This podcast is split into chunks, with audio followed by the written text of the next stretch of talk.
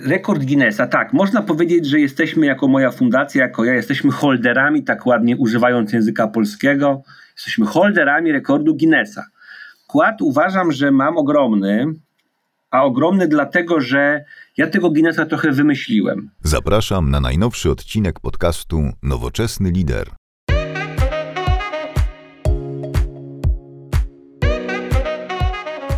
Dzień dobry, witam Was serdecznie w podcaście Nowoczesny Lider. Dzisiaj moim Waszym gościem jest Sebastian Grabowski. Cześć Sebastianie. Cześć, witam, witam Ciebie Sebastianie i, i witam Was. I Sebastianie, no w Sebastianie to wiadomo, to już musi być udany podcast, już nie ma innego, nie ma już innego wyboru, ale y, y, trochę twój profil zawodowy. Jesteś odpowiedzialny za, teraz czytam twój tytuł zawodowy z LinkedIna, który nie jest łatwy. IoT and Advanced Technologies Director of Orange Polska. Czym się zajmuje Sebastian Grabowski w IoT i technologiach w Orange Polska? IoT, czyli Internet of Things, czyli Internet rzeczy i zaawansowane technologie. Zajmujemy się przede wszystkim de facto takimi chyba trzema nawet czterema dużymi rzeczami w obszarze telekomunikacji, który, które są zresztą bardzo nowe, bo z jednej strony próbujemy budować usługi internetu rzeczy w oparciu o sieć telekomunikacyjną. To jest bardzo ważne, bo większość usług, które my obserwujemy, czy to z punktu widzenia inteligentnej rumby, inteligentnej pralki, inteligentnej lodówki, one do końca nie za bardzo mają dużo wspólnego z tymi usługami, które my budujemy po stronie e, biznesu. To jest taki pierwszy punkt. Drugi, odpowiadamy również biznesowo za całą domenę mobilnego dostępu do sieci telekomunikacyjnej, który pozwala na rozmawianie maszyn między sobą, czyli ten tak zwany cały M2M. Trzeci temat. Bardzo często w bardzo wielu różnych modelach próbujemy budować usługi, które potem sprzedajemy naszym klientom. I czwarty, zajmujemy się trochę ewangelizacją, bo to jest taka ewangelizacja e, a propos zupełnie nowej domeny, zupełnie nowych usług, masy bardzo często skomplikowanych skrótów, których generalnie klient czy nawet moi koledzy w firmie często też nie rozumieją. Czyli to tak pokrótce, nie wiem czy, czy, czy to jest jakby krótko, ale bez wątpienia chyba tym się zajmujemy. No to są w ogóle bardzo ciekawe rzeczy, nie będę ukrywał. Więc wiesz, akurat e, Internet of Things, ogólnie urządzenia, które są podpięte do, do, do sieci są fantastyczne. Mają też swoje plusy, mają swoje pewnie też minusy z perspektywy bezpieczeństwa. Ale gdybyś mógł, e, Sebastian, dać przykład takiego rozwiązania, które jest e, waszym produktem, pomysłem, które my możemy mhm. jako konsumenci połączyć z tym, co ty powiedziałeś wcześniej? Dobra, taki dla mnie chyba mm, najważniejszy produkt, przyznam ci się, też jakby w związku z tym, że ja działam też jeszcze na wielu innych płaszczyznach, ale taki najważniejszy dla mnie produkt, który wytworzyliśmy i go wymyśliliśmy, bo trzeba powiedzieć, że ten produkt jest przez nas w 100% wymyślony, czyli od fazy tak zwanej RD do fazy wdrożenia. To jest e, system, platforma miejska, która potrafi zarządzać w trybie rzeczywistym różnymi wertykalnymi, e, znowu takie proste słowo, czyli generalnie różnymi domenami miasta. Czyli począwszy od zarządzania wodą, po zarządzanie ciepłem, po zarządzanie energią, lampami, rowerami, ławkami, sensorami itd., tak itd. Tak Polega to generalnie na tym, że mm, udało nam się dopasować sieć telekomunikacyjną różnych technologii, którą też często my oglądamy na naszych telefonach. 2G, 3G, 4G, już teraz 5G wyposażyć ją w tak zwane mechanizmy, które umieją rozmawiać w trybie rzeczywistym z tymi rozwiązaniami, urządzeniami, i one są wszystkie scentralizowane. I to pozwala w taki bardzo spójny, przewidywalny, bezpieczny, co ważne sposób, zarządzać sobie w trybie rzeczywistym, włączać, włączać lampy, ustawiać różne poziomy, nie wiem, świecenia, typu o tej godzinie tak, o tej tak, a tu w ogóle wyłącz lampy. Potrafimy jakby badać, zarządzać, odczytywać węzły cieplne w budynkach.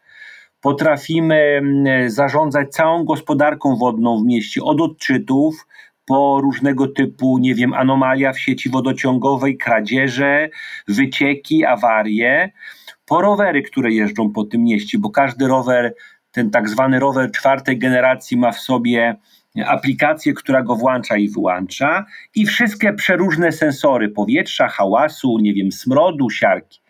I to wszystko jest jedno, to jest wszystko jest jeden spójny system i z jednego miejsca tym całym miastem możemy zarządzać.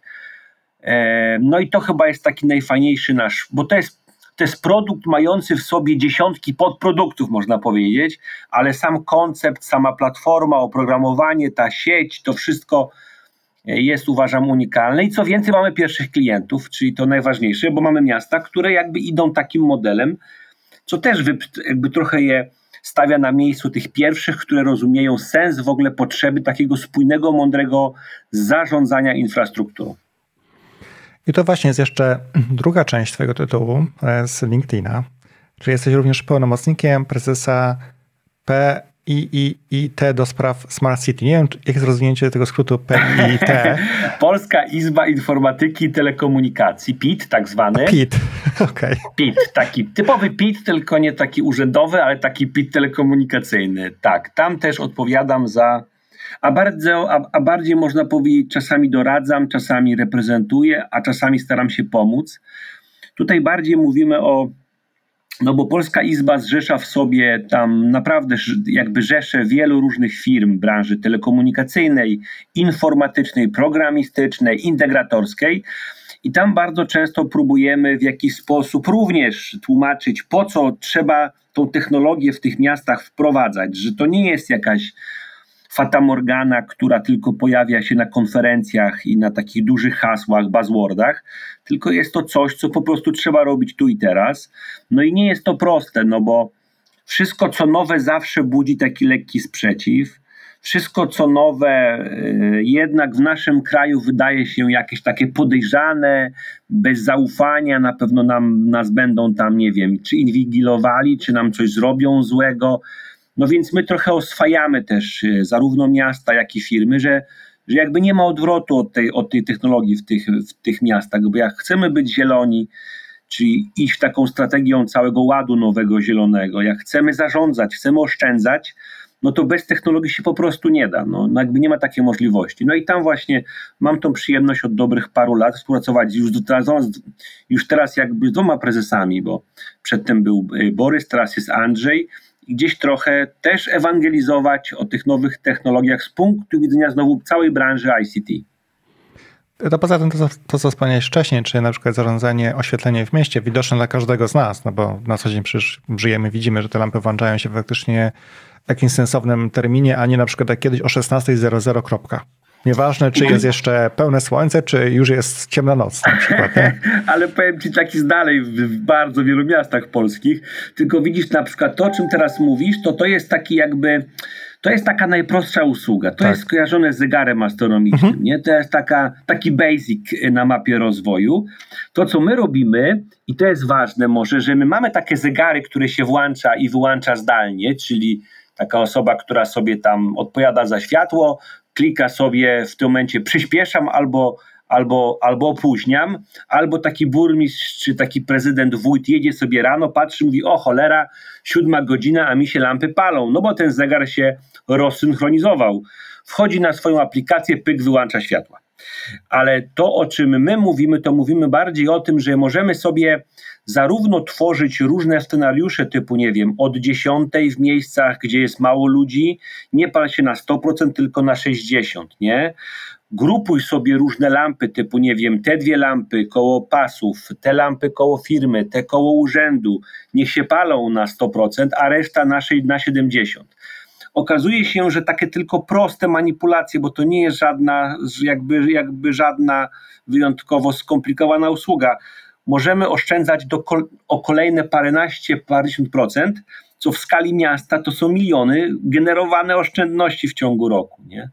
Więc jakby to, to akurat jest ważne. No i o tym też trzeba mówić, no bo jak ludzie nie wiedzą, no to nie mają świadomości, czyli nie będą chcieli czegoś nowego, nie? Oczywiście. Ja podam lampę jako jeszcze taki przykład, bez względu na to, jaką mamy wiedzę, jaki mamy poziom technologiczny słuchaczy naszych.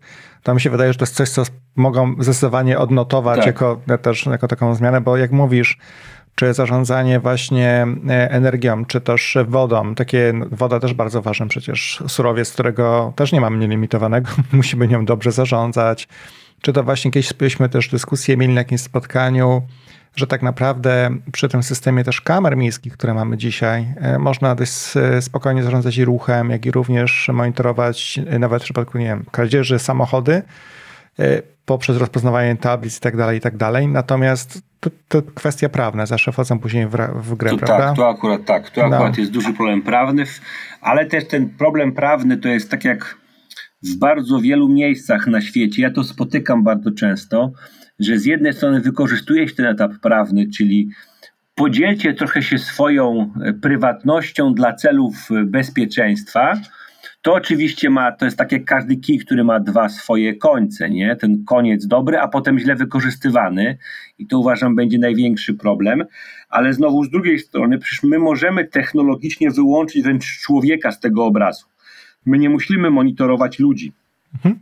My możemy tylko monitorować obiekty, bo ta tak zwana cała sztuczna inteligencja, zwał jak zwał, ale ona może po prostu ludzi wyciąć z tego, co obserwuje. Nie? No i wtedy już mamy narzędzia bardzo solidne, które faktycznie usprawniają komunikację, kradzieże, wypadki i tak dalej, i tak. Nie?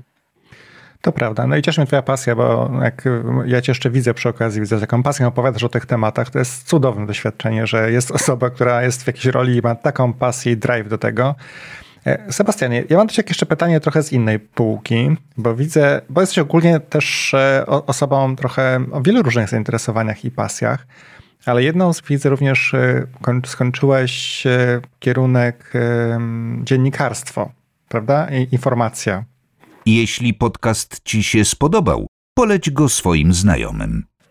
To zaraz, to jest w ogóle, to jest taka inna historia. Przyznam ci się, że ja jakby to jest miejsce, gdzie udało mi się zdobyć do, doktorat. To tak. tak wyjątkowo, znaczy jakby dla mnie to jest jakby na dwójnasób ciekawe, ciekawe doświadczenie, bo ja jestem typowym magistrem inżynierem, który gdzieś idzie tą taką ścieżką mocno inżynierską, zresztą no, no kończyłem w ogóle technikum elektryczne, potem elektronikę i telekomunikację, potem pracowałem w sieci u nas w, Czyli jestem takim jakby, może nie super ekspertem, kiedy chodzi o kwestie inżynieryjne, ale żyję tym przez całe życie albo żyłem.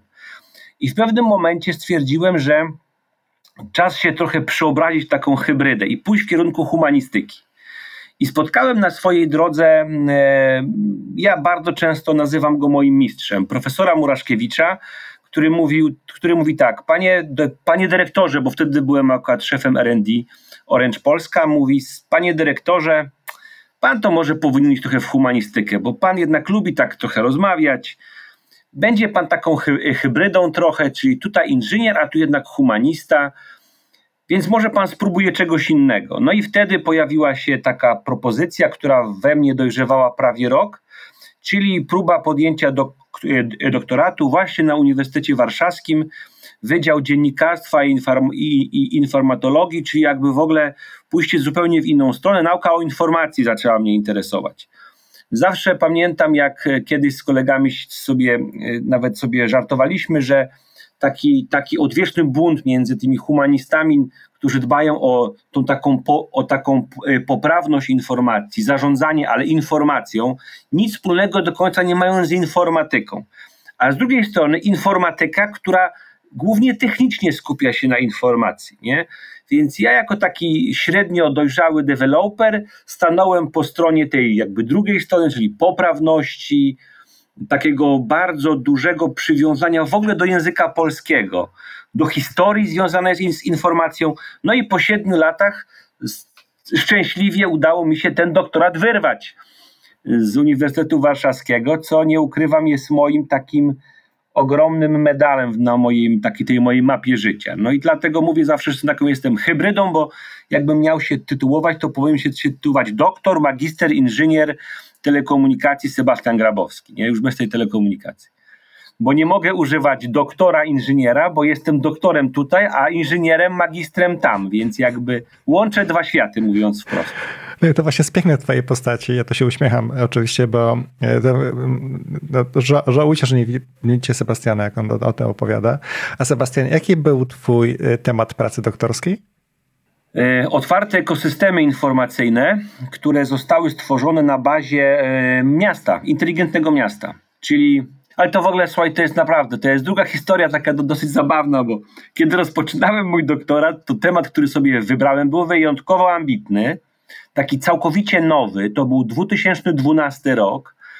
Mój promotor, mój, mówię, mistrz, mówi, no to Sebastian, Chociaż nie, on nigdy ze mną nie przyszedł na, na, na, ty. Zawsze panie dyrektorze, panie Sebastianie. Mówi, może byśmy zrobili coś razem, bo pan taką ma pasję do takich różnych jakby dziwnych rzeczy, to może, może pan by uzasadnił swojej pracy, bo to jest taka duża różnica na humanistyce, a na technice, naukach tych matematyczno-technicznych, gdzie mówi się o dowodzie, tutaj się mówi o takim kompletnym uzasadnieniu może byśmy coś wspólnie zrobili koło otwartego rządu w Polsce, co wydaje się wyjątkowo zabawne w tych czasach, ale wtedy stwierdziłem, no to ja może jako taki trochę technokrata uzasadnię, a wręcz udowodnię, że możliwe jest tworzenie w Polsce otwartego rządu, taki ruch, który pochodzi w sumie ze Stanów, bardziej z tych, z tej części świata, open government. Zresztą Obama był jego wielkim fanem i tam w różnych elementach ten open government przewijał. Ja przyznam tobie, zacząłem nad tym bardzo poważnie siedzieć.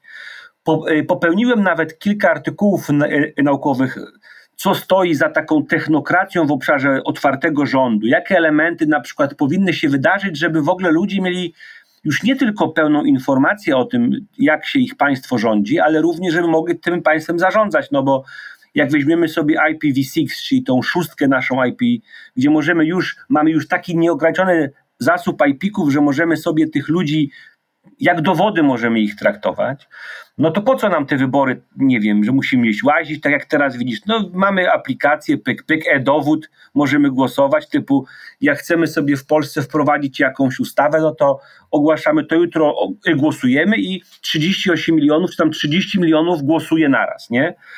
No i popełniłem parę tych właśnie takich bardzo uważam solidnych materiałów naukowych.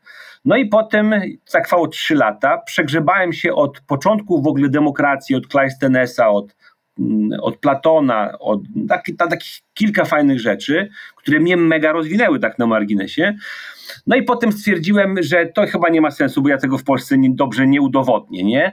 Ale już tyle wyprodukowałem materiałów oraz tyle zrobiłem, że stworzyłem taki dobrze działający sprawnie ekosystem informacyjny w, w polskich miastach. Zresztą czterech: Warszawa, Kraków, Poznań oraz. Mm, oraz Gdańsk. No i to stało się przedmiotem tego otwartego ekosystemu informacyjnego, który jakby trochę działa jak maszyna, że on odpowiednio uruchomiony wypluwa kolejne benefity społeczne dla miast, ale oparty jest o otwartą informację, o otwarte dane. Ta cała komunikacja jest takim elementem, takim sercem całego systemu. Notabene, Sebastian, to był też Kraków, żeby tak nie było, nie? że tam moje ręce tam też nie sięgnęły do Krakowa.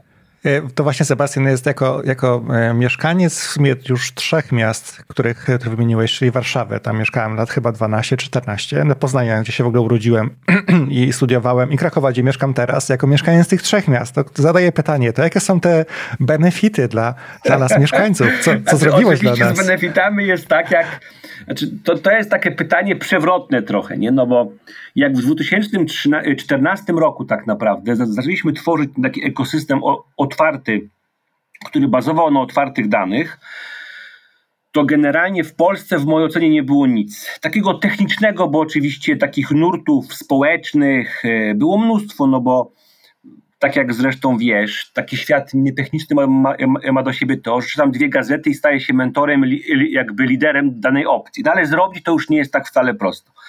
Więc my rozpoczęliśmy w tych czterech miastach. Na końcu dołączyło nam się jeszcze województwo małopolskie, tak na marginesie, gdzie postawiliśmy sobie cel zbudowania największej w Polsce sieci takiej jakby współpracującej otwartych danych. E, w ramach różnych projektów wyprodukowaliśmy na przykład projekt w Warszawie, to jest największa platforma otwartych danych w Polsce, dalej uważam, ponad 230, tam 250 różnych resursów otwartych pod kątem budowy aplikacji.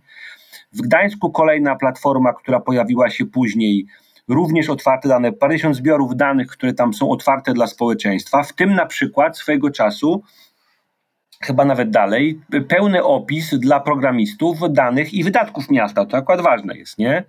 W Poznaniu pamiętam było również podobnie i w Krakowie to były pierwsze początki. Jeszcze wtedy pamiętam, spotykałem na swojej drodze Przemk, e, nie Przemka, tylko e, Przybylski, Przybylski, Przybylski, kurtka, uciekł mi normalnie z głowy jego imię, szef Parku Technologicznego w, w Krakowie. On wtedy też się tym wyjątkowo interesował. No i zrobiliśmy hackathon, taki ogromny hackathon w tych czterech miastach. Powstało sobie mnóstwo aplikacji. Przeżyło tylko pary. To jest ten taki tam ta moja czarna strona, ale na przykład przeżyła taka aplikacja Milion Drzew dla Warszawy która dalej funkcjonuje, gdzie można sobie w takim modelu partycypacyjnym wskazywać miejsca i sadzić drzewa. Przeżyły takie, takie jakby i w ogóle pierwsze aplikacje, które mówiły, nie wiem, kolejki w urzędach, kolejki w szpitalu, bo tam się okazało, że jak się udostępniło taki dostęp zdalny po API, mówiąc szczerze, do tego systemu, to można było cuda aplikacyjne tworzyć. Niestety, niestety, jak zabrakło tego modus operandi w całym tym systemie, no to ten system niestety się degeneruje. Tak trzeba o tym śmiało powiedzieć. Bo odsunięcie się tego silnika od napędzania cały czas pracy nad tym powoduje, że nie ma tego skupienia na tym elemencie, który ja uważałem za bardzo ważny. Więc podczas tych trzech lat de facto pracy powstało mnóstwo różnych aplikacji. Ja ich naliczyłem ponad 300.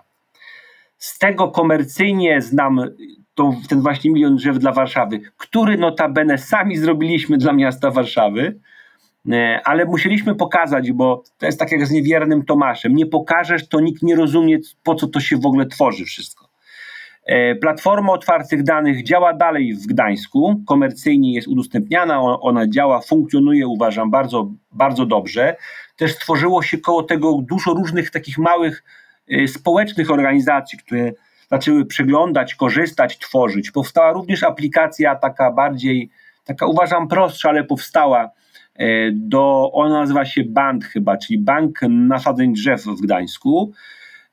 Poznań podjął podjął ten cały ruch, ale nie wiem jak to się już, ja, ja przestałem to w roku 16 śledzić. No i Kraków wiem, że cały czas walczy o tą otwartość, duże wyzwanie, no ale standardowo jak mamy taką strukturę, taką strukturę, y, y, nie chcę użyć złego słowa, bo, bo to, to by źle zabrzmiało, ale w poważnych miastach decyzja podejmuje się poważniej i dłużej, o tak powiem. Rozumiem, czyli musi, do, musi dojrzeć. Musi dojrzeć, musi dojrzeć jednak historia wymaga tego takiego podejścia monumentalnego do pewnych kluczowych decyzji. Aczkolwiek, co ważne, w 16 roku już paręnaście zbiorów danych było dla programistów e, ekosystemu krakowskiego udostępnionych. Też, Sebastian, jakby w przypadku Krakowa, no to pamiętajmy, mówimy tutaj o mieście królów polskich. To, tak, to, to nie przelewki. to wymaga i tak, tak. Tam po prostu król potrzebuje czasu. Nie? Dokładnie. Obojętnie jaki film oglądam, to tam zawsze król potrzebuje czasu. To prawda. I teraz powiedz mi, bo to są fantastyczne historie, e, ale mam też do ciebie pytanie, e, jaką ty masz swoją wkład w rekordy Guinnessa, powiedz? E, to, to rekord, rekord Guinnessa, tak, można powiedzieć, że jesteśmy jako moja fundacja, jako ja, jesteśmy holderami, tak ładnie używając języka polskiego, jesteśmy holderami rekordu Guinnessa. Wkład uważam, że mam ogromny, a ogromny dlatego, że ja tego Guinnessa trochę wymyśliłem. A wymyśliłem go po to, kiedy już po tym Be Happy, czyli tym projekcie hackathonu, tym moim doktoracie, który uwieńczył tam tą moją działalność w obszarze tych otwartych danych, stwierdziłem sobie, że tak nie można poprzestać sobie i stwierdzić, że to już koniec. Nie? To już, już mam doktorat, stworzyłem, uważam cały czas największą polską taką sieć miast współpracujących, samorządowych jednak w otwartych danych, no ale teraz czemu tak mało jest tych miast? Przecież to jest takie super, nie? No i stwierdziłem, będziemy namawiali inne miasta polskie, małe, średnie, duże, malutkie, do takiej w ogóle myślenia o technologii. No i stwierdziliśmy, że zrobimy rekord Guinnessa. To był słuchaj, w ogóle taki pierwszy pomysł. E, rekord Guinnessa w największej ogólnoświatowej lekcji o programistycznej. Zaprosiłem do współpracy Litwę również rejon wileński. No i zaczęliśmy budować, y, tak mościć, lepić projekt, który w sumie zakończył się sukcesem, bo zgłosiło się ponad 100 szkół, finalnie do, dotrwało do Guinnessa, bo to jest strasznie długi proces, ciężki w ogóle. Tam muszą być wymagania ilościowe, jakościowe, firma audytorska, bo ja byłem taką nie wiadomo skąd organizacją, więc to wszystko musi być bardzo mocno y, zakorzenione w regulaminie. I powiem tobie, zrobiliśmy, byliśmy super. Jeszcze zaprosiłem do współpracy Urząd Komunikacji Elektronicznej, żeby to też miało taką, takie te miano też, nie tylko Fundacja Grabowski, ale też urząd, to tak bardziej poważnie. No i też mówię, te miasta bardziej będą traktowały to jako coś poważnego. I zarazimy ich trochę, może jak zdobędą Guinnessa, to będzie super. No i powiem Ci, zrobiliśmy wielką akcję, wystrzeliło to, zaprosiły nas różnego typu telewizje, super to w ogóle wyszło. No i powiem Tobie, finalnie chyba, tam było chyba kilkadziesiąt miast, dzieciaków było prawie 1800, nie, 1600. Super, dwa państwa, jest grubo, czekamy na ogłoszenie wyników i lipa. Krótko po nas wystartowali Amerykanie. W podobnej kategorii największej lekcji o programowaniu. No i kiedy my tu walczyliśmy, bo taki był nasz cel trochę z samorządami, szkołami, tam było 10 szkół, miast polskich, małych, dużych, Warszawa, Kraków, Poznań, Malutkę, Rozogi, taka gmina, no było tego mnóstwo. I te 1600 dzieci, nie? Gdzie największym naszym pro, e, problemem w Polsce było to, że w ogóle komputerów nie było wtedy w szkołach, nie? Czyli no jakby trzeba było być minimalnie 25 komputerów, nie? No, a to, nie, no to już jakby nie mogli brać udziału. I tam, słuchaj, nas wystrzelili koledzy ze Stanów w dwóch miastach, w dwóch szkołach 8 tysięcy dzieci, nie? I lipa. Nie udało się. O, wielka feta, że będziemy mieli rekord Guinnessa. Nie udało się. No ale nie poddaliśmy się. Jak się już ktoś uprze, to musi ten rekord zdobyć. I za rok ponowne bicie rekordu Guinnessa, tylko trochę się zmądrzyliśmy, że Programować to może każdy już, nie? Ale programować i znać technologię Smart City, e, sztucznej inteligencji, to tak już nie do końca. I zrobiliśmy lekcję Code, code and Share, technologie przyszłości. No i tutaj znowu w takim międzynarodowym, no i się udało, mamy tą lekcję, jesteśmy do Księgi Rekordów wpisani. Co ciekawego, już w tym drugim podejściu zaangażowaliśmy dużą takich mniejszych miejscowości staro z Litwy. I to już było tak poważnie, bo tam było już kilkadziesiąt miast polskich, kilkadziesiąt takich mniejszych miejscowości na Litwie. No i udało się, mamy rekord Guinnessa, więc a, a, a po co? Bo uznałem, że no jak zachęcić osoby, które nie mają pojęcia o technologii, żeby w ogóle się tym interesowały? No jak? Być rekordzistą Guinnessa. To, to prawda. A powiedz mi jeszcze, Sebastian, dlaczego akurat e, Litwa? E, ja, ja w ogóle uwielbiam Litwę. Zresztą mój teść Henryk Samborski jest takim przyjacielem wielkim Litwy. I on mnie w ogóle tą Litwą zaraził. Ja, ja, ja jakby nie mam żadnych korzeni litewskich, ale jak pojechałem pierwszy raz na Litwę, to przyznam ci się, to było naprawdę takie prawdziwe dla mnie spotkanie, prawdę prawdziwe. Było takie bliskie spotkanie z polskością w ogóle. Nie mnie to strasznie urzekło.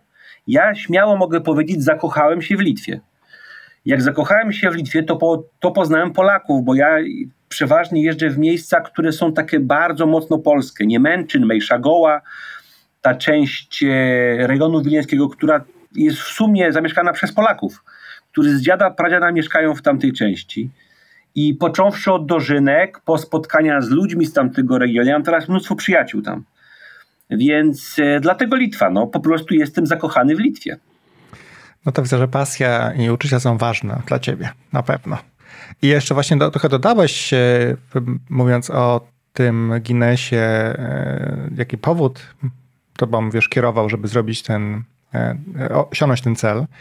Ale tak ogólnie rzecz biorąc się słucham, robisz bardzo dużo rzeczy, które nie do końca wiążą się może bezpośrednio z twoim biznesem i z firmą, w której pracujesz, prawda? I co tobą drive'uje, bo bo wiele osób, wiesz, jakby ja sobie strasznie cenię takie osoby. Sam staram się jakiś tam mały kamyczek dołożyć do tego grudka, prawda?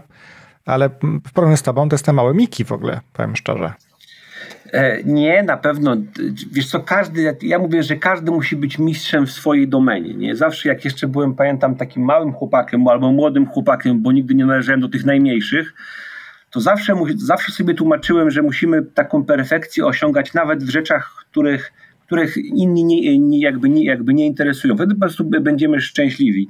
Powiem Ci, że mnie drive'uje Sebastian chyba kurde, jakby nieraz nie wiem co, nie, bo to kosztuje bardzo dużo energii, ale ja po prostu lubię robić rzeczy e, po pierwsze lubię robić jakby rzeczy, których nikt inny jeszcze nie zrobił. To jest taka, jedni wchodzą, nie wiem, na, na wysokie szczyty, a ja po prostu się zanurzam w ten społeczny świat, trochę ludzko, młodzieżowo, seniorski. To jest pierwsza rzecz, a poza tym nie ukrywam, że, że jakby dla mnie działalność społeczna jest takim mega dużym, nie chcę powiedzieć, że taką ucieczką od dużego biznesu, ale jest dla mnie takim świeżym powietrzem i inną perspektywą w ogóle życia, nie? Ja bym nie był w stanie się spełniać w żaden sposób, jakbym tylko funkcjonował na jednej płaszczyźnie. Moja żona nieraz do mnie mówi, Sebastian, y, ty już zwolnij, to jest w ogóle niemożliwe, nie? Ty po prostu tracisz, tobie ucieka życie trochę. Ale znowu ja jakbym nie był w stanie działać na tych, bo ja działam na trzech płaszczyznach cały czas, taka społeczna, fundacyjna, biznesowa i to jest taki poważny biznes nasz, taki bardzo poważny biznes polsko-międzynarodowy i trzecią jestem wykładowcą na Uniwersytecie Jagiellońskim już od chyba teraz dobrych 4-5 lat. Każda, każdy z tych klocków daje mi taką, można powiedzieć, taką perspektywę radości chyba, nie? Zawsze łapię to inne powietrze w innym miejscu. Czy ja, można powiedzieć, często oddycham pełnymi płucami, nie? Czy ja cię w pełni rozumiem. Mnie też, no już pomijając e, elementy edukacyjne moich podcastów, gdzie od was się bardzo dużo uczę was słuchając i to jest taka fajna wiedza, bo wiesz, człowiek jak z wami rozmawia się mocno skupie na tej rozmowie, E, daje też taką szansę tworzenia czegoś nowego. Tworzenie ogólnie jest fajne i prowadzenie takich rzeczy, które, które mnie tutaj akurat też bawią, także to w pełni ci rozumiem. Natomiast mówię, twoja skala działania jest naprawdę e, niesamowita. A czego uczysz na Uniwersytecie Jagiellońskim? E, Wydział Zarządzania i Komunikacji Społecznej. Jestem odpowiedzialny, jestem odpowiedzialny, już teraz współodpowiedzialny za takie dwa przedmioty crowdsourcing E, czyli crowdsourcing oraz technologie mobilne. Na, e, to jest instytut teraz już przedsiębiorczości, kiedyś to jeszcze była inna, jakby inny obszar działalności. Teraz wspólnie z moimi kolegami i koleżankami jakby mm, w sumie de facto stworzyliśmy, ja byłem takim może malutkim trybikiem w ramach tego specjalizacji, jakby zarządzanie w mediach społecznościowych. To był w ogóle wtedy to była bardzo nowa specjalizacja parę lat temu gdzieś trochę inspirowany przez panią profesor Bednarczyk, która gdzieś mnie wynalazła, poprzez moją koleżankę inną, która już tam pracowała. I gdzieś ta inspiracja w ogóle uważam technologiami, którą może tam częściowo też pchnąłem w kierunku UJ-u, wytworzyła specjalizację która mi się bardzo spodobała, czyli zarządzanie w social mediach. No i tam byłem też tym pierwszym, który odpowiadał za crowdsourcing, czyli w jaki sposób przy, i przy jakich narzędziach można wykorzystywać tą wiedzę tłumu do takich rzeczy społecznych. No i tam jak się osiedliłem znowu parę lat temu, no to e, na pewno jesteś świadkiem tego, co wytworzyliśmy, bo czy to park kieszonkowy na Zabłociu dla motyli, który funkcjonuje, czy mural Liberator, który jest na jednej ze ścian, czy misioteka, no teraz nam trochę y, ta pandemia utrudniła taką działalność, którą mieliśmy, bo tam wszędzie, gdzie ludzie, tam crowdsourcing. Y, w tych czasach ciężko jest tworzyć fajne akcje crowdsourcingowe, w mojej ocenie, no bo my tu działamy w takiej nie formie e, trochę proszenia o tą kwotę, czy organizowania społeczności, tylko tu działamy w jakimś takim celu społecznym i tam ta wymiana między tymi młodymi ludźmi, miastem, mieszkańcami jest bardzo ważna. Pandemia trochę nam utrudnia. Mhm, no to prawda. No i dlatego ten UJ, który tam cały czas uważam jako takie moje gniazdo, yy, gniazdo akademickie, z przyjemnością zresztą. Dla mnie też przyznam się tobie, takie 4-5 wizyt, które zawsze mam w jednym semestrze personalnych, bo to są studia dzienne, to jest bardzo ważne. Jest takim dla mnie też kolejnym wentylem. Uwielbiam na Starym Mieście kawę i taki wieczór, kiedy jestem sam, piję kawę, mnóstwo ludzi. Znowu nie ma tych ludzi w tym Krakowie teraz, ale to też była taka dla mnie nagroda. Zresztą moja żona również uważała, że jest to dla mnie nagroda. Teraz właśnie miałem jeszcze cię spytać właśnie, jak łączysz e, te elementy e, zawodowe, pasji, fundacji z rodziną. Jak rodzina e, daje radę? Mm, uważam, że, uważam, że mam bardzo taką jakby bardzo otwartą i rozumiejącą żonę. Moja żona jakby uważam, że rozumie bardzo mocno taką moją potrzebę bycia nie tylko w jednym miejscu, ale wielu. Sama nazywa mnie takim ADHD, który gdzieś w środku wiele różnych rzeczy, jak nie, jak nie robi, to myśli. Ale uważam, że dzięki temu, że żona jakby pozwala mi to jakby trochę realizować, bo jak ja mam małe dzieci, mam syna Ignacego, który ma 6 lat, córkę, która ma 12, więc Niestety, ale wiele dużo rzeczy po prostu jest na rękach mojej żony i to jest też taki problem dla mnie nieraz, no bo widzę jak ciężko jest opędzić y, trochę te nasze pielesze domowe. No i też staram się bardzo często z mniejszym, czy znaczy z, albo z lepszym, albo z gorszym skutkiem wspierać ją w tym wszystkim, no ale uważam, że dzięki żonie też wiele rzeczy mogę, mogę organizować i wiele robić. Też jakby bez żony tego doktoratu bym nie zrobił, no bo te wieczory, nieraz weekendy, które były wycięte, pisanie artykułów, no to jednak kosztuje czas. Tego się nie da zrobić przyklejając kopii w klej z, z, z Google'a, nie? Mhm. A jeszcze zadam Ci Sebastian takie pytanie, trochę też e, z Twojej takiej domeny technologicznej może, e, też jestem ciekaw na Twojej bardzo opinii, ale też łączy mi się wydaje to ogólnie z ekosystemem, z podejściem, z jakimś systemem ogólnie. E, jeśli spojrzymy sobie na taką mapę innowacji na świecie, no to w chwili obecnej jeden z takich chyba bardziej innowacyjnych technologicznie krajów jest chyba Izrael. Tak mi się wydaje, że słyszę od wielu osób, że, że jest. Uważam, jakby... że jest, tak. 50%, 50% PKB pochodzi z nowych technologii. Nie wiem jak teraz, tak było parę lat temu, nie? I czy ty może masz jakąś swoją obserwację na temat, dlaczego akurat ten kraj odnosi, pomimo tego, wiesz, jakby kapitał ludzki tam jest dużo mniejszy i tak dalej, takie sukcesy, z czego to wynika? Zapraszam cię do społeczności Nowoczesny Lider na Facebook lub LinkedIn. E, to się wiele z bardzo wielu rzeczy bierze. Już abstrahując od mentalności, jednak e, trzeba o tym powiedzieć, no bo mamy różne modele zarządzania. Mamy japoński, mamy amerykański, nie wiem czy mamy polski, bo ten polski zawsze był taki trochę nas wykrzywiony, zresztą profesor Chryniewicz go nazywał takim jeszcze do niedawna takim folwarkowym sposobem e, zarządzania. Izraelskim jest, uważam, zakotwiczony bardzo mocno w, tej takiej, w takim przekonaniu, że jesteśmy jednak trochę tacy inni, nie? Jednak mamy ten dotyk tego palca, który nas jakby trochę namaścił. To też jest bardzo ważne mentalnie, żeby sobie radzić nieraz z problemami życia codziennego. Druga sprawa, która uważam jest mega ważna w przypadku e, Izraela jest to, ja byłem zresztą, powiem tobie dwa razy tam, byłem w, w Tel Awiwie, tam też pojeździłem trochę po Izraelu, zawodowo, co właśnie fajne, bo jeszcze w ramach jeszcze e, mojej pracy w Orange Labs, e, gdzieś wspólnie z kolegami też weryfikowaliśmy jakby różnego typu startupy. I powiem Tobie, że abstrahując od takich rzeczy, o których powiedziałem na początku, ale organizacja w ogóle pracy, taki sposób przemyślenia, jak przekuwać innowacje w pieniądze, bo o to chodzi. Nie? Jak rozmawiałem z wieloma osobami, które sprzedawały firmy, ja spotykałem gości, zresztą ta firma, którą my wtedy jako Orange nabyliśmy, tylko Orange globalny, nie jako Orange polski, y, firma Orka, która stworzyła taką podwalinę teraz naszej telewizji interaktywnej, którą sprzedajemy. To tam goście, oni mówili krótko, 5 lat sprzedajemy firmę. Ja nie mam zamiaru w tej firmie siedzieć, nie? Ja się kapitalizuję, biorę kolejną kasę, którą zarobiłem, idę do funduszu, kolejny startup, nie? Więc jak taki gość, który wtedy miał, nie wiem, z 36 lat, to była jego druga firma, którą on sprzedawał za milion dolarów, no to jaki jest, jaki jest pęd? Nie? Tam nikt się nie trzyma firmy na jakiś dłuższy okres, znaczy tworzy startup i się go sprzedaje. Co więcej, go się tak sprzedaje, żeby, żeby się sprzedawało komuś bogatemu, a nie żeby on upadł. Nie? To nie jest jakby sztuczna wymiana. Więc to w ogóle jest fenomenalne. Poza tym ja uważam też, Zresztą miałem tam, powiem tobie, kilka jednych z najfajniejszych imprez w życiu w Tel Awiwie.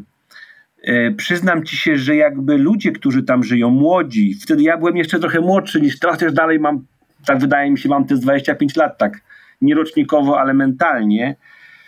Szybkość życia i te ograniczające dookoła niebezpieczeństwo generuje inny, inny styl życia w ogóle, nie? To jest inna fala chcenia poznania czegoś, chcenia zrobienia czegoś i chcenia zarobienia, nie? I to, I to wszystko razem uważam stanowi, wiesz, pamiętajmy, Izrael nie jest, tam nie ma żadnych w sumie minerałów, tam nawet nie ma co sprzedać ani wydobyć, nie? Czyli wytworzenie tego dobra symbolicznego, którym jest oprogramowanie technologiczne jest po prostu krytyczne, nie? U nich nikt dziury w ziemi nie zrobi, nie wykopie ani diamentu, ani ropy nie, po, nie pociągnie. Więc to wszystko razem stanowi o tej wyjątkowości w moim ocenie Izraela, ale również ludzi, nie? którzy żyją w Izraelu, którzy często mają pochodzenie. Ja sam się do tej pory śmieję. Y, jechaliśmy taksówką bardzo często w nocy po bardzo takich pozytywnych biznesowych y, spotkaniach. To my normalnie mówiliśmy albo w języku polskim, albo rosyjskim, nie? Mhm. Czyli ta mentalność taka europejska tego naszego również jest tam bardzo silna. Ciekawe, tego nie wiedziałem. Nie byłem jeszcze w Izraelu w ogóle, powiem szczerze, nigdy. Akurat nie, to, to, to, nie zdążyliśmy. ja uważam, że to trzeba, nie? Tak to moja kumpela mówi, trzeba być, no bo to jak się nie jest, to, to to jest bardzo ciekawy w ogóle taki kocioł, powiem ci, i kultur, i mentalności. No i ja sobie bardzo to, y, to chwalę, nie? Odniósłbym to tylko do Nowego Jorku y, i chyba nigdy indziej takiego miejsca nie spotkałem, nie? Dlatego, dlaczego pytam? Dlatego, że mamy kilka takich dyskusji. Teoretycznie mamy super mądrych ludzi w Polsce. Mamy też całkiem dużo pieniędzy w tym sektorze, w domenie startupowej. Natomiast patrząc tak z perspektywy startupów, które osiągnęły sukcesy, czyli się dobrze, wiesz, skaszowały albo są rozpoznawalne, mhm. to ja, ja, nie znam wielu, powiem szczerze, polskich, chyba, że może mi umknęły, ale nie, nie, nie znam takich produktów, które były, wiesz, globalne. Ja też takich dużo nie znam. Nie? Teraz wszyscy pijemy z tej, pijemy komunikacyjnie z tych całej, tej całej branży e-gamingowej, nie? W każdym bądź razie e, my procesowo, myślowo uważam w tej części naszego świata, i to nie tylko Polska, patrzę na Czechy, Słowację, Węgry. Mamy trochę do, nad, do, nad, do nadrobienia, nie? kiedy chodzi o taki cały proces w ogóle przygotowawczy. Ja pamiętam, jak analizowałem zresztą swojego czasu z wiceministrem odpowiedzialnym za rozwój technologiczny. Nie pamiętam, jaka to była funkcja w tym ministerstwie. Miałem taką przyjemność gdzieś być panelistą z, z taką osobą. Było to w Rzeszowie, z tego co ja pamiętam, na konferencji Innowacje, to już było parę lat wstecz. On mi tłumaczył, w jaki sposób w ogóle podchodzimy do błędów po ich stronie, w jaki sposób przygotowujemy się, nie? No to u nich po prostu, ja pamiętam jak on mi tłumaczył, ja byłem w szoku w ogóle wtedy, że można sobie w państwie tak te centra po, po, poinstalować innowacji, stworzyć bardzo transparentną, rzetelną ścieżkę i jakby na, na wsparcie, żeby oni zarabiali, nie? I, I on mi tłumaczył, do mnie przychodzą nieraz firmy, mówi tam gość przychodzi, mówi ma, robi już trzeci startup, każdy zbankrutował, nie? I ja mówię, no i co? Mówi, no i nic, nie? Jak on przeszedł naszą ścieżkę zdrowia, żeby otrzymać grant, to on musi być dobry. Jak trzy razy zbankrutował, to może na piąty już mu nie damy, nie? ale na czwarty uważam na pewno, bo on się tyle nauczył, że on te błędy wykorzysta, nie? I teraz jak, jak ja popatrzę u nas, taki wielki pęd po te środki finansowe, nie? Słabość wniosków, taką nieoryginalność pomysłów w ogóle, nie? E, taką wiarę w swoją unikalność, to, to jest taki trochę teatr u nas, nie? My cały czas budujemy takie pozycje aktorskie, a tam ja zobaczyłem przygotowaną naprawdę solidnie tubę do robienia kasy na innowacjach, nie? Mhm uczelnie w ogóle, które tam działają, no to w ogóle jest, nie wiem, no, nie chcę znowu się zapatrywać bardzo mocno, bo też znam kraje inne, które również to do perfekcji, typu, nie wiem, Stany Zjednoczone, cała Dolina Krzemowa, no ale nawet nie mam jak się porównać, kiedy mówię o nasz tutaj taki typowy region, ale również i Polskę, nie? No to myślę, że może takie badanie, które by, badanie, wiesz, które dałoby nam jakby, gdzie jesteśmy mocni, gdzie musimy się poprawić, byłoby całkiem fajne, bo to jest moim zdaniem duża Duża szansa dla Polski. Mamy super młodych ludzi, mamy duży potencjał, bardzo dużo technologicznych firm właśnie i nie tylko w Polsce. Także to jest potencjalnie coś, co może pomyślę również w przyszłości. E, chyba że takim krajem, który jest chyba bardzo awansowany totalnie informatycznie chyba jest Estonia, prawda? Jeśli chodzi o tą naszą to część jest świata. Dobre. To jest, powiem ci zawsze, z Estonii się trochę, ja, ja przepraszam, nie mhm. ja się trochę jakby śmieję z tego, z tych case'ów Estonii, Sebastian, mhm. przepraszam za taką szpilę. Jasne. Bo Estonia jest mniejsza od Warszawy, nie? Mhm. Czyli można powiedzieć, że zmiana kulturowo-technologiczna dziejąca się w, się w Warszawie to gdzie Warszawa jest jeszcze większa od Estonii, nie? Czyli jakby organizacja, rozumiesz, państwa w ogóle całego, cyfryzacja, model i tak dalej, to jest zupełnie inna skala, nie? E, jedno województwo versus państwo i u nas tych 17 czy tam 16, no chyba jest teraz 16, nie chcę skłamać, tych województw, nie? To jest w ogóle inna skala. U nas często też się podaje ten model estoński jako taki wzorowy, bo on nie jest wzorowy, nie? Tylko w Estonii możemy w ciągu jednego dnia góry przenosić, nie? A u nas w ciągu jednego dnia możemy ewentualnie zrobić konferencję prasową w polskiej polityce i się pokłócić wszyscy dookoła, nie? To prawda. Czy jeśli lewicowo, prawicowo, konserwatywno, czy innym i, i, cała ta, i cały ten jad się toczy wokół niedogadania, nie? Tam jednak mi też powiem, ci się podobało że jak byłem w Chinach, nie? Byłem w Chinach parę lat wstecz i tam pamiętam, mieliśmy spotkanie, byliśmy na zaproszenie jednej z wiodących firm jakby technologicznych, nie będę wymieniał nazwy, żeby nie promować, no i tam nam opowiadał, to było takie dosyć ważne y, spotkanie. Był ktoś, ja nie wiem, czy to był z rządu, nie wiem, kto to był, może to był jakiś, nie wiem, no nie chcę też powiedzieć, kim był, bo go nie znałem, ale on nam opowiadał, jak parę lat wstecz powiedzieli sobie Chińczycy, że zrobią jakiś skok mentalny w sztucznej inteligencji. No i to było tak, że premier, czy nie wiem, może to był fake, ja go powtarzam, więc typowy taki bullshit, że gadam, a nie wiem, co to jest faktem, ale mi się on bardzo podobał, nieraz go powtarzam. Mówi tak, zawołał premier, znaczy jestem daleki od takiego modelu zarządzania, ale on mi się podoba co do jak zrobić duży krok, a potem sobie go możemy na Polskę przenieść, nie? Zawołał premier wszystkich wiodących rektorów uczelni wyższych. Potem zawołał wszystkich prezesów dużych firm technologicznych. Prywatnych również. Chociaż ta prywata u nich jest takim pojęciem względnym, nie? No i mówi tak, słuchajcie, macie 5 lat. Wy macie pomóc tym, wy macie pomóc tym i za 5 lat was rozliczymy z tego, co zrobiliście, nie? No jak to upraszcza, zobacz. Się kończy polityka, nie? Jest jasny cel, jak kiedyś w PRL-u plan 12-letni, 15-letni, potem będą rozliczenia, nie? Czyli jakby, a u nas wyobraź sobie, Sebastian, teraz ogłosiliśmy plan sztucznej inteligencji, ogłosiliśmy plan samochodów elektrycznych, rozumiesz? No i teraz, no i potem właśnie, i potem wszyscy się bawią, o co chodzi w tych naszych planach, nie? A tam jeden rozkaz, rozwiązanie. To chyba też mi się wydaje jest taki problem naszego świata, że my za bardzo patrzymy na takie modele, za bardzo chcemy żyć demokracją, nie rozumiejąc w demokracji odpowiedzialności, nie? Chcemy sobie pogadać, ale nie rozumiemy już chyba, albo już nie ma takiej przekonania, że gadanie musi się kończyć jakimś modelem takim jakby działania, nie? że to nie czysta demagogia i taka deliberacja, tylko taka partycypacja i wyjście z zadaniem. Nie? No i tu mamy taki trochę problem. To ciekawostka jest taka, to mnie zaskoczyło bardzo. Rozmawiam z kolegą, który robił badania związane z innowacyjnością firm i okazuje się, że firmy zbiurokratyzowane, czyli które mają duże procedur, które jakby, jak mówisz, tutaj mamy nasz pomysł, tutaj mamy nasz, naszą rurę do robienia i tutaj mamy spodziewany efekt, odnoszą najwięcej innowacji, czyli tam jest przygotowany cały ten model, w którym po prostu to się dzieje. Jakby skupiasz się na wynikach. E, ja to chyba pomyliłem to z autokratycznymi firmami, a nie, to bardziej chodzi o biurokrację, czyli cały system, cały model jest przygotowany, życzek przychodzi i dokładnie robi tę innowację. Trochę mi się wydaje, muszę z kolegą z Motorola porozmawiać na ten temat, bo on chyba ma tak też przygotowaną firmę, wiesz? Nie w sensie negatywnym bynajmniej, to jest bardzo pozytywne właśnie. Znaczy ja powiem ci, ja przez tyle lat byłem szefem tego R&D i wydawało mi się, że mogę góry przenosić, nie? Że miałem bardzo świetny zespół, uważam, mój zespół wtedy liczył ponad 100 osób. Y, w sumie w ośmiu różnych domenach, od telewizji po taką warstwę rdzeniową, po, to był IMS, po, tak, po usługi, po, po, po platformy.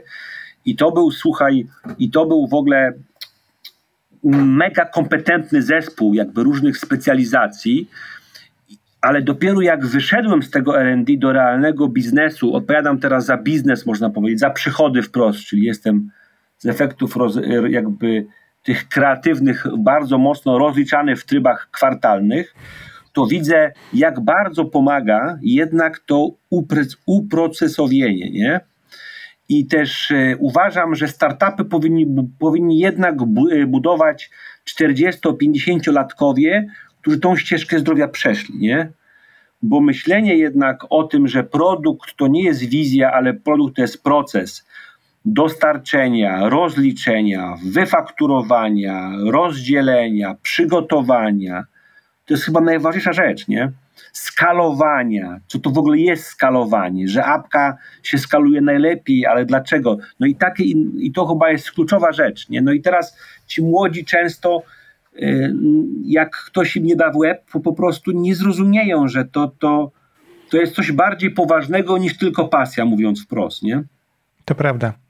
przed, myślę, nie miałem takiego wiesz, dobrego wglądu w firmie, której pracowałem jakiejś farmaceutycznej, ale też tam działa R&D. To byli super mądrzy ludzie. Le lekarze, profesorowie, doświadczeni. tylko nie wiem do, do, końca, czy oni byli skupieni na badaniach, czy na efektach, w sensie na produkcie tych badań na sam koniec dnia. Bo ich pasjonowała, wiesz, odkrywanie, prawda? Nie wiem, tylko domyślam się, bo niektóre firmy są bardziej, wiesz, są e, szybsze w dostarczaniu, patrząc teraz po, po covid prawda, po szczepionkach. Niektórzy byli to mm. błyskawicznie, a niektórzy jeszcze robią badania. Czy robią jeszcze, jeszcze testują, nie? Tak. Spójrzmy na szczepionkę Sputnik na przykład, nie? Już ją szczepią w, w Rosji dobrych paru miesięcy. Znaczy, znaczy śmieję się oczywiście, ale faktycznie, czy ja też bardzo, znaczy ja, ja też wierzę w ogóle w taką funkcję osobową, czyli człowieka, który stoi gdzieś tam, nie? Jasne. No bo sam proces, on, bo znowu jak mówisz o tej, o tej jakby biurokratyzacji, to ona jest ważna, ale tam ktoś musi u góry trzymać ten harmonogram, nie? Ja zawsze mówię, tam ktoś musi być u góry z tym Excelem, który to rozlicza, nie? Bo to jak nie ma tego, to e, właśnie ta taka zdolność ludzi do od do, od do, od do, jak to jest w takich dużych firmach, bez tej u góry osoby po prostu stwierdzi tego menadżera, tego lidera, nie? Mhm. Cokolwiek li, jakby lider znaczy, ale jak nie pilnuje, to ludzie będą tak robili od do, od do, potem się będą obrażali, kłócili, yy, że ja zrobiłem to, ty nie wzięłeś. Nie ma u nas, uważam często, patrząc nawet na nasz kraj, takiej personalnej odpowiedzialności za to, co robimy. Nie? No i, i tam potrzeba jest u góry kogoś, kto tupnie, huknie, albo poprosi, albo zmotywuje, albo ukaże, albo wręcz nagrodzi. Nie? Sebastian, to ostatnie pytanie już w naszym podcaście. I ono brzmi następująco. Nie jest pewnie prosta, może jest dla ciebie. Zaraz zobaczymy. Z perspektywy nadchodzącego roku, mm, no tego na razie jeszcze. Co myślisz, że dla nas jako liderów będzie najważniejsze? Nad czym powinniśmy się najbardziej zastanowić lub najbardziej skupić? Jeżeli można wymienić jedną rzecz oczywiście. Mm, hmm. To jest to jest pytanie z natury takich filozoficznych, nie? Bo ja zawodowo wiem, na czym mam się skupić. Zawodowo, tak. Bardzo mocno wiem, na czym mam się skupić zawodowo, patrząc na moje cele, które mam, mam na ten rok. Ale my, jako rzekłbym, osoby o takich pasjach liderskich, uważam, że w tym czasie, który jest przed nami, to chyba jednak jest taki balans nie? między normalnością taką przyjemnością życia, a tą sferą jakby zawodową, nie? Bo jednak praca zdalna wytwarza dużo problemów w organizacji w ogóle życia, y, w realizacji pasji. Z drugiej strony, ten nasz biznes, którym na przykład ja jestem, on wcale nie zwalnia, nie? On nie jest wcale wolniejszy, on nie chce być wolniejszy, nawet nie rozumie nieraz, że nie będziemy wolniejsi. Więc y, moim takim jednym chyba wyzwaniem tego roku będzie jednak ten, ja nie chcę powiedzieć work-life balance, bo to jest złe słowo, nie, dla mnie. Bo to nie jest work-life balance, tylko to jest bardziej hmm, nie przerwa między życiem rodzinnym a zawodowym, ale ta umiejętność normalności zawodowej w połączeniu z normalnością prywatną, tak bym bardziej powiedział, nie? Nie balans, ale taka normalność zawodowa, ale również i prywatna, żeby, żeby jedna i druga strona za bardzo nie, nie cierpiały. Ja jeszcze mam tą trzecią społeczną, ale o tym już nie mówię. U mnie ten, ten trójnóg będzie wymagał dużo większej y, elastyczności. Wiesz co, poza, poza tym to, to są dwie rzeczy ciekawe, ciekawe, które powiedziałeś. Miałem wczoraj rozmowę z kolegą ze Spotify, jak wspomniałem wcześniej. Będzie opublikowana mhm. za jakiś czas, ale też zadałem o pytanie właśnie, jak u nich wyglądało podejście do tej pracy zdalnej i pandemii, bo teoretycznie patrząc na firmy, efektywność, produktywność osób bardzo mocno wzrosła przynajmniej przez pierwszych parę miesięcy pandemii z wielu względów. Między innymi również to mhm. wszystko było zamknięte, nie było co robić, ludzie się siedzieli przed komputerami, robili, kodowali i tak dalej. Mhm. A InSpotify powiedział, że słuchajcie, my rozumiemy, że ten moment jest dla was trudny, bo to jest nienormalna sytuacja, i nie oczekujemy, że dostarczycie wszystko, co było ustalone wcześniej. To jest jeden element. A drugi, teraz mówię, mają drugie wyzwanie, że w tym rozproszonym środowisku mają problem z myśleniem nowych rzeczy. W sensie, dobra, to tamto zostało ustalone wcześniej, ale teraz musimy myśleć nowe rzeczy do przodu, nie? I tu brakuje tej interakcji między sobą. No, no i ten work-life balance, czy well-being, czy jakkolwiek go nie nazwiemy, no to jest faktycznie w obecnej do bani, nie? Chociaż powiem Ci, Sebastian, że tak jak mówisz o tym, o tej interakcji, no my jesteśmy jednak ludźmi społecznymi, jesteśmy zwierzakami społecznymi. Są oczywiście jednostki bardziej ekstra, drugie intra, e, ale i tak my potrzebujemy ludzi. Nie? Ja sam czerpię ogromną przyjemność z bycia z ludźmi. Nie? Dla mnie bycie z monitorem to jest katorga.